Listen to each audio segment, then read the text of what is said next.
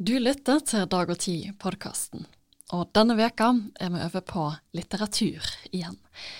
Ida Gilbert er gjest og forteller og leser fra romanen 'Tute med de ulver som er ute'. Mitt navn er Sofie Mai Rånes.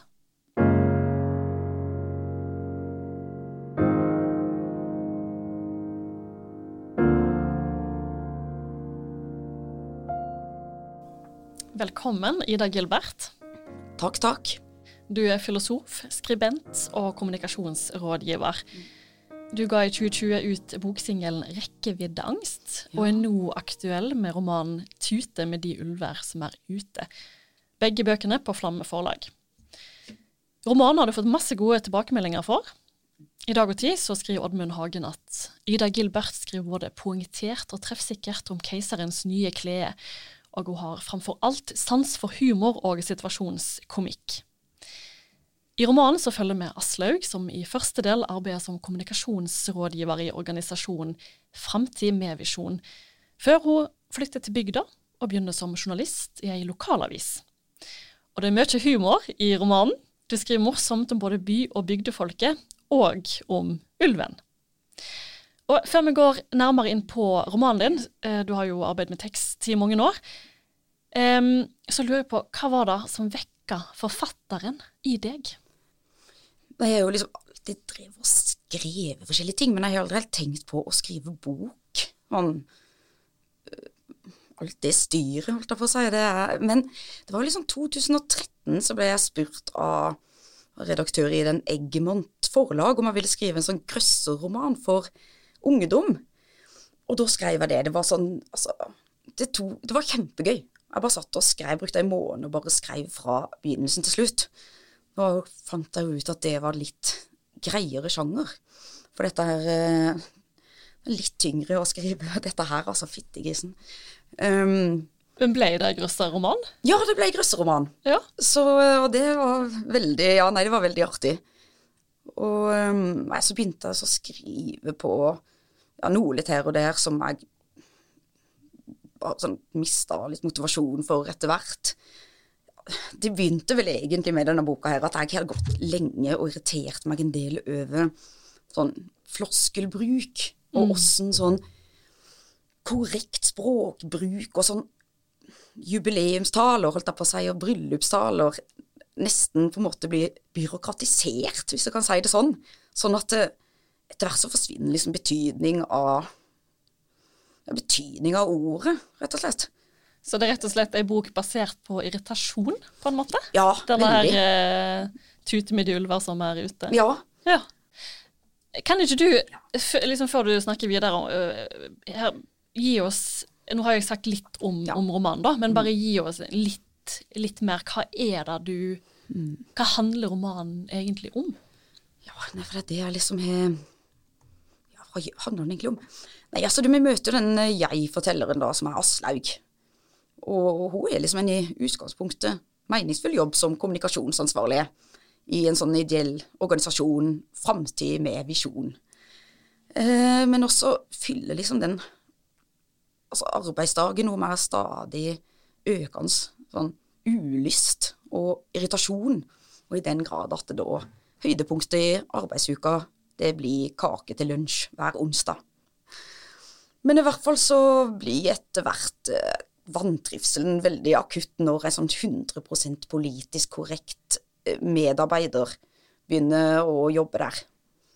Og hun overtar på et vis alt av Nesten oppfører seg som leder, og plutselig en dag så bestemmer hun Karen Britt, da, som hun heter. Jeg merker jeg blir Når jeg har skrevet, så har jeg nesten blitt sånn vært irritert på Karen Britt sjøl, så det blir sånn Æsj, ja. Karen Britt. Jeg tenker at Hvis noen heter Karen Britt, så må de være irriterende.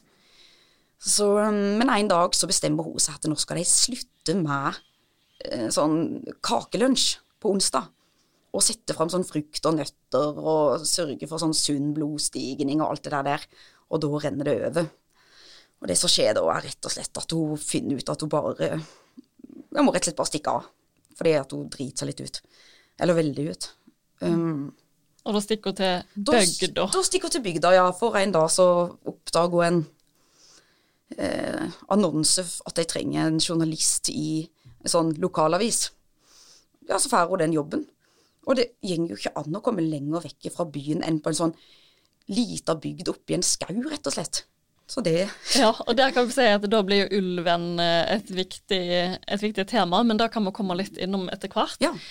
Jeg tenker at du, du har valgt ut to utdrag fra romanen, Ja. og jeg tenkte at nå passer det å høre den første av deg, som eh, er nettopp da du var innom eh, eh, i stad.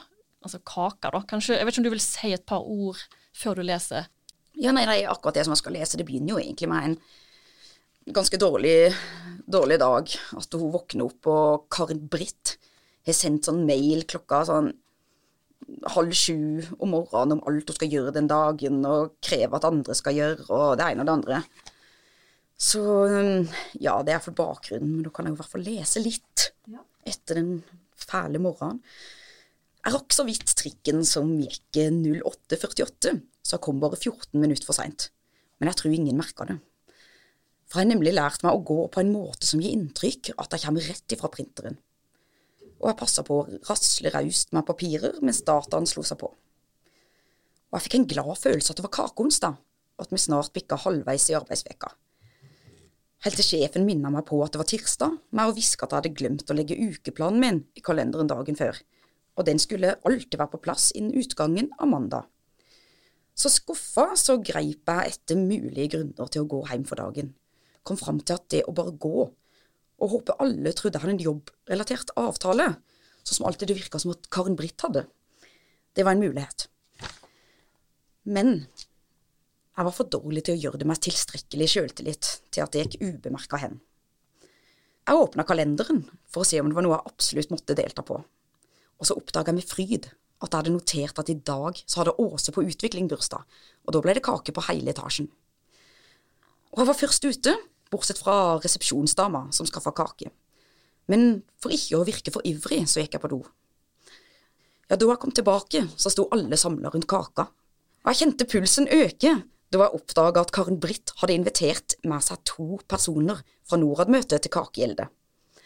Og hun foreleste over manglende midler til hos sine satsingsområder, og Norad-delegatene kjeda seg påfallende mens blikkene festa seg på kaka der framme i enden av tunnelen. Og jeg kryssa fingrene for at resepsjonsdama hadde tatt høyde for gjester.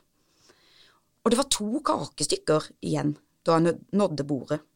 Og mens jubelen sprudla i mitt indre, så kom Bente på bistand bak meg i køen. Og først var jeg glad. Jeg fikk kake.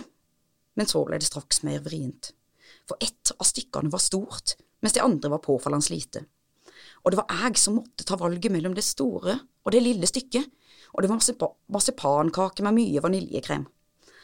Og jeg måtte ta det lille stykket og smile og si, ta det store, du, ja ja, jeg er sikker, ta det store. Så Bente smilte mer til kaka enn til meg, og plasserte kakespaden under stykket, jekka det litt opp og trakk det mot seg, og kors på halsen. Marsipanlokket fra mitt stykke blei trukket med før det revna og bare halve blei igjen. Og i morgen er det kakelunsj, sa jeg til meg sjøl. I morgen er det kakelunsj. Tusen takk. Um, jeg blir jo både nysgjerrig på eh, hvor du har denne Karen Britt-karakteren fra, og hvem Aslaug er. Um, kanskje vi kan begynne med Karen Britt. Du var innom hun tidligere òg, og sa at hvis du hadde møtt hun eller møter noen som heter Karen Britt i det virkelige livet, så hadde du blitt litt irritert. Jeg hadde tenkt at hvis du heter Karen Britt, da er man sånn litt sånn nesevis. Nei, er jo ofte litt ille. Jeg håper ikke det er noen som heter Karen Britt som blir fornærma her. For det er jo ofte sånn at uh, man hører først et navn, og så blir navnet finere hvis personen er hyggelig. Men Karen Britt er ikke ekte på ett vis, da. Det er jo mer sammensatt av ja, en del uh, folk. Um, det er ikke noen som skal føle seg truffet, i hvert fall. Selv om Eller jo, mange kan føle seg truffet. Men eh, det er ikke noen som skal tro at jeg har liksom kopiert uh, kopier, Kopiert noen, holdt jeg på å si, eller bare satt inn. Du har sjøl jobba i ideelle organisasjoner. Regner, jeg går bare egentlig ut ifra at du trekker på egne erfaringer, eller? Ja, det er jo Altså, det er jo altså, en slags research da, som ikke jeg eh, nødvendigvis har planlagt på forhånd. Ja, bruker jo liksom innsikt derifra. Så um, Ja, jeg ser for meg at det er mange som kan kjenne seg igjen i både Aslaug og Karen Britt og mange av de andre karakterene. ja, jeg tror jo det, egentlig. Ja, både, på posi både positivt og negativt, da. Men hun Aslaug eh, Hun har da vel egentlig ikke så veldig bra, spesielt ikke den første delen av romanen. Hva, hvem, er, hvem er Aslaug? Altså, eller hva skal hun representere, eventuelt? Jeg, jeg tror liksom det er det at hun kjeder seg. Uh, åh, det er sånn som er alltid litt vanskelig å si, men jeg tenker at det, det, det begynte vel med en person som har litt lavere toleransegrense enn meg, på ett vis. Ja, i hvert fall som sliter, en person som sliter med å innordne seg. Liksom type sånn regler for å liksom oppføre seg og måter å te seg på. Og hun rett og slett litt problemer med å følge i liksom flokk, da. Selv om hun prøver. Hun prøver liksom det godt så godt hun kan, og liksom tute med det i eh, de ulvene som er ute. Så, um, men til slutt så bare renner det over. Og her var det vel egentlig kake fra været som Som skulle Eller, ja. Som Ja. førte til det første. Ja, jeg tror, jeg tror de som lytter, får lese, for det er, det er verdt, verdt å lese da utbruddet eh, som, som førte da av mangel på, på kaka i lunsjen. Vi kan gå litt, sånn, litt videre og se litt sånn større på det, da, Ja, ut av det disse litt karakterene. Så jeg får på en måte inntrykk av at det er en slags sånn samfunnskritikk bak fortellingen, men du kan jo se litt sjøl, hva er det du ønsker å fortelle med denne romanen? det jeg kommer fram til Jeg har vært inne på så mange svar på akkurat det, men det blir bare forskjellige ting hele tida. Men det er jo kanskje at jeg har prøvd også å vise deg at det er så gap mellom bygd og by, eh, som ofte er liksom basert på ganske sånn stolte fordommer på begge sider.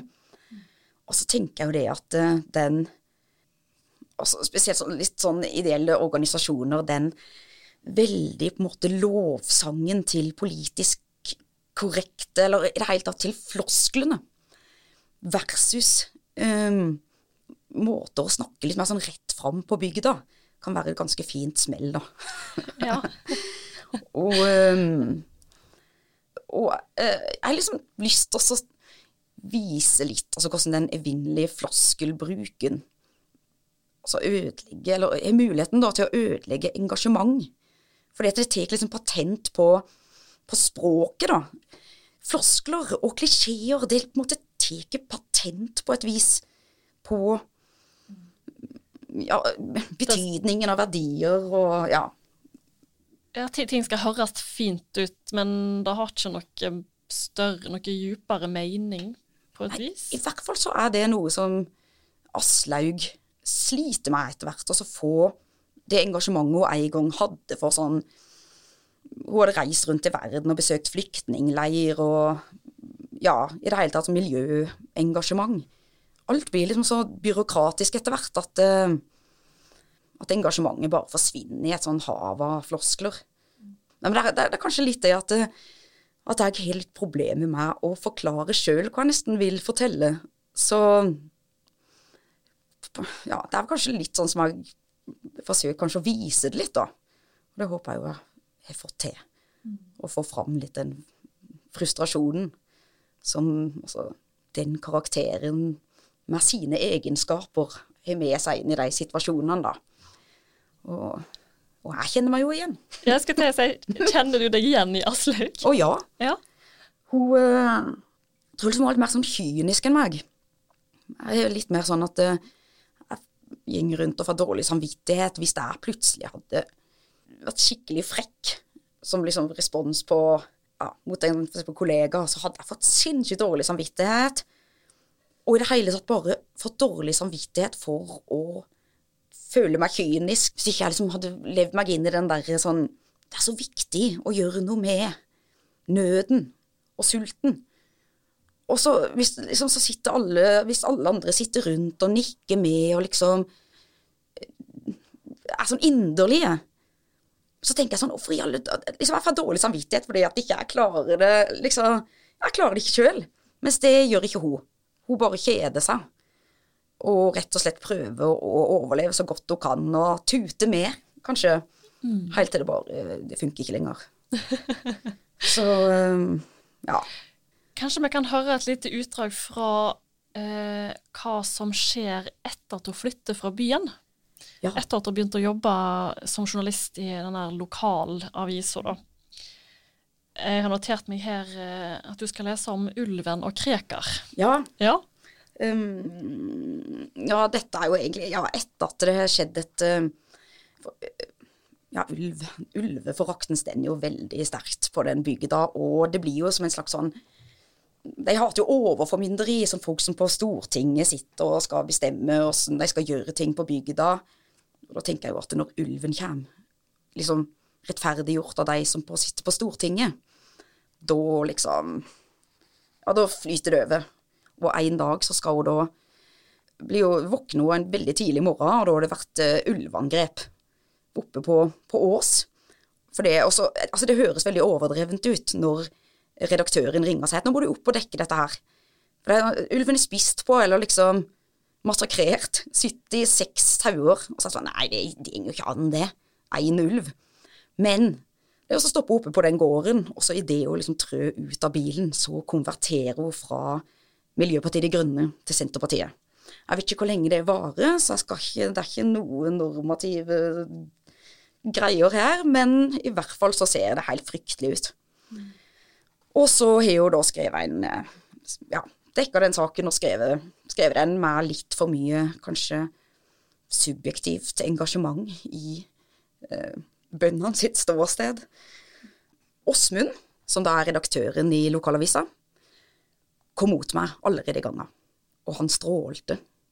Det gikk ikke ett minutt ifra saken ble lagt ut til telefonen ringte, og jeg ble som vanlig skeptisk da jeg så det var Skåmedal, sa han.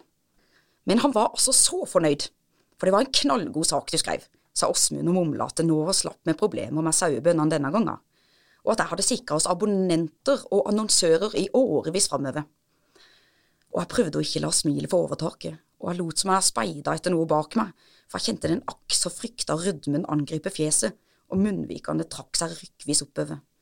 Jeg var ikke forberedt. Det var lenge siden jeg hadde trukket den veien. Hvis jeg hadde møtt blikket hans, så hadde smilet, smilet mitt gått helt rundt, så jeg zooma ut. Og så er det som hadde skrevet sauemassakresaken i rasende fart, og full, ifølge Inger Aas. Teksten din var riktignok et stykke for lang, sa Åsmund, men det gikk helt greit å slå sammen noen avsnitt og kutte noe rusk her og der. Og jeg satte meg med møtebordet og nikka bekreftende til alt han sa. Ja, nå kan jeg trygt sende deg på møter i sauelauget, for jeg var jo litt spent på deg, vet du, for det er ikke bare bare alt dette.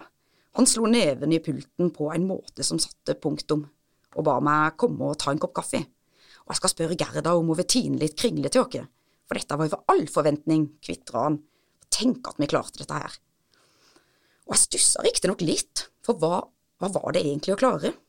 Å intervjue noen bønder om ulveangrep på sau? Og hadde ikke engang ringt kritiske røster som kunne uttale seg fra høyere hold? Men jeg skjøv tanken fra meg da Gerda sa at kringla var til tining i mikrobølgeovnen.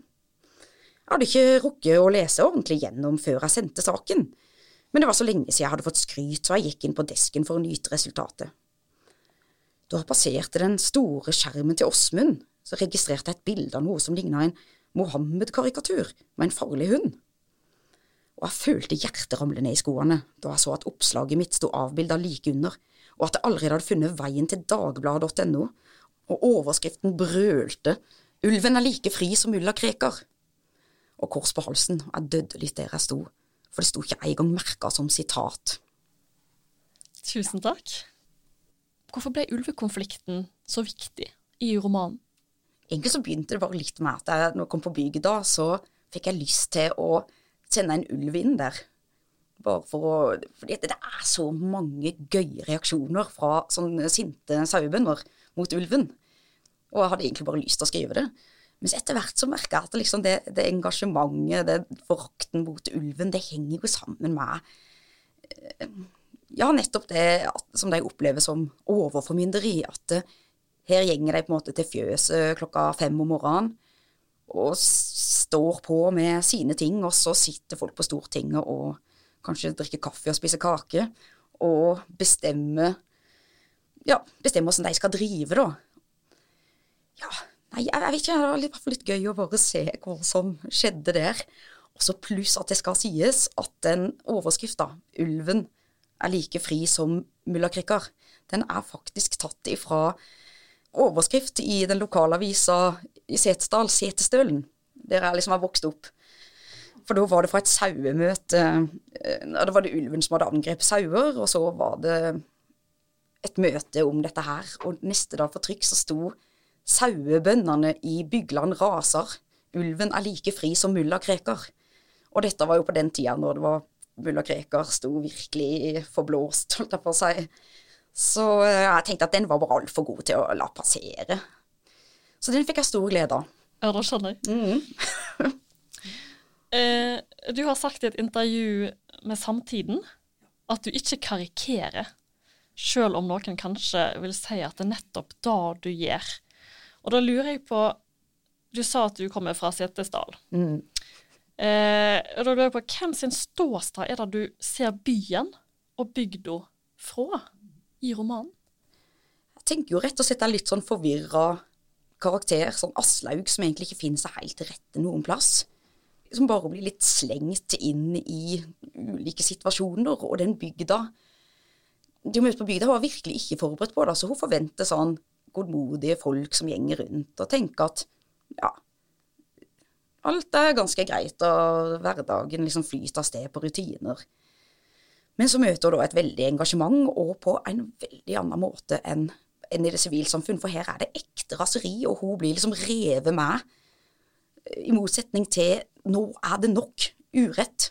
Men altså, i forhold til å karikere Jeg skal innrømme at det, at det kalles for liksom satire. Da måtte hun google satire, og så fant hun ut at å ja, jo, men det stemmer kanskje egentlig. Men karikere Da tenkte jeg at ok, folk burde jo ta et opphold på bygda eller i sivilsamfunnsorganisasjon, for så vidt. Eh, så leste jeg jo litt sånn Jeg bare leste en sånn anmeldelse av ei bok som jeg, hører på lydbok nå, av Nina Lykke. 'Vi er ikke her for å ha det morsomt'. Og hun blir altså det, det, hun blir òg beskyldt. Ikke at det nødvendigvis er noe negativt, men det står i hvert fall at hun òg karikerer. Men jeg syns jo at det, selv om jeg ikke er en eldre, litt avgått mann, så syns ikke jeg hun overdriver det hele tatt i noe av det hun skriver. Så det kan godt hende at jeg bare opplever litt sånn virkeligheten At jeg opplever den litt på den måten, da. Så jeg husker I oppveksten jeg drev og skrev masse sånn dagbok, og da hadde jeg en tendens til å gjen, ofte gjendikte litt det som skjedde den dagen. Og da var kanskje det blikket litt sånn harselerende. Så det kan godt hende at jeg rett og slett bare har, hatt det med meg, altså. Så Pluss at hverdagen blir gøyere og ja. Du skriver rett og slett eh, livet mer interessant og morsomt enn det det er, nesten, sånn som jeg forstår det? Ja, det kan godt hende, altså. Jeg syns i hvert fall at det er i hvert fall litt sånn oppløftende. Og pluss at jeg syns det er gøy å lese gøye, gøye bøker sjøl, og jeg syns det er så mye av den derre åh, Det er veldig mye sånn indre reise og veldig mye som, Det er veldig mye bra litteratur, men som jeg ofte syns er veldig kjedelig. Du måtte bidra med Du måtte, du måtte ja, speise opp eh, litteraturen litt? Ja, jeg måtte ta litt ansvar. Ja. Og uh, gjøre den hverdagen litt mindre seriøs, kanskje. Mm. Selv om det er mye lidelse i den kakeavhengigheten og sånn. Så ja. Nei, jeg vet ikke. Det har ikke vært noe veldig plan. Jeg har ikke planlagt at nå skal jeg skrive morsomt. Men Nei. det bare føles Det føltes ganske sant, egentlig. Så. Vi må begynne å runde litt av. Ja. Men jeg tenkte på For det er jo, det er jo ikke bare Karen Britt og Aslaug du skriver om, det er mange forskjellige, mange ulike karakterer. Så lurte jeg på om det er, om det er noen karakterer som du, som du hadde lyst Eller som var med i utgangspunktet, men som, ikke, som ikke fikk lov til å være med i siste utkast, da? Nei, Jeg drepte drept liksom ganske mange sånne darlings og karakterer. Liksom Sikkert flere enn ulven.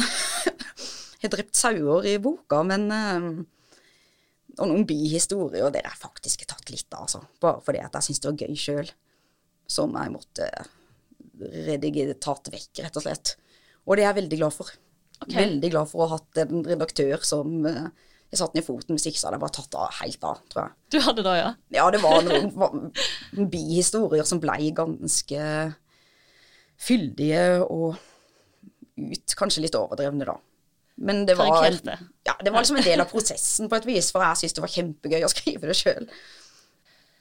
Da må vi faktisk avslutte.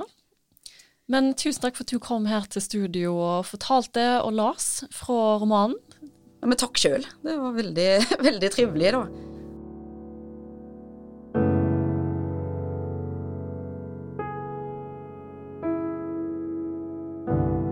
Du lytter til Dag og Tid-podkasten. Og har du tilbakemeldinger på podkasten vår, så send meg gjerne en e-post. Adressa er sofie krøllalfa dagogtid.no. Takk for at du lytta.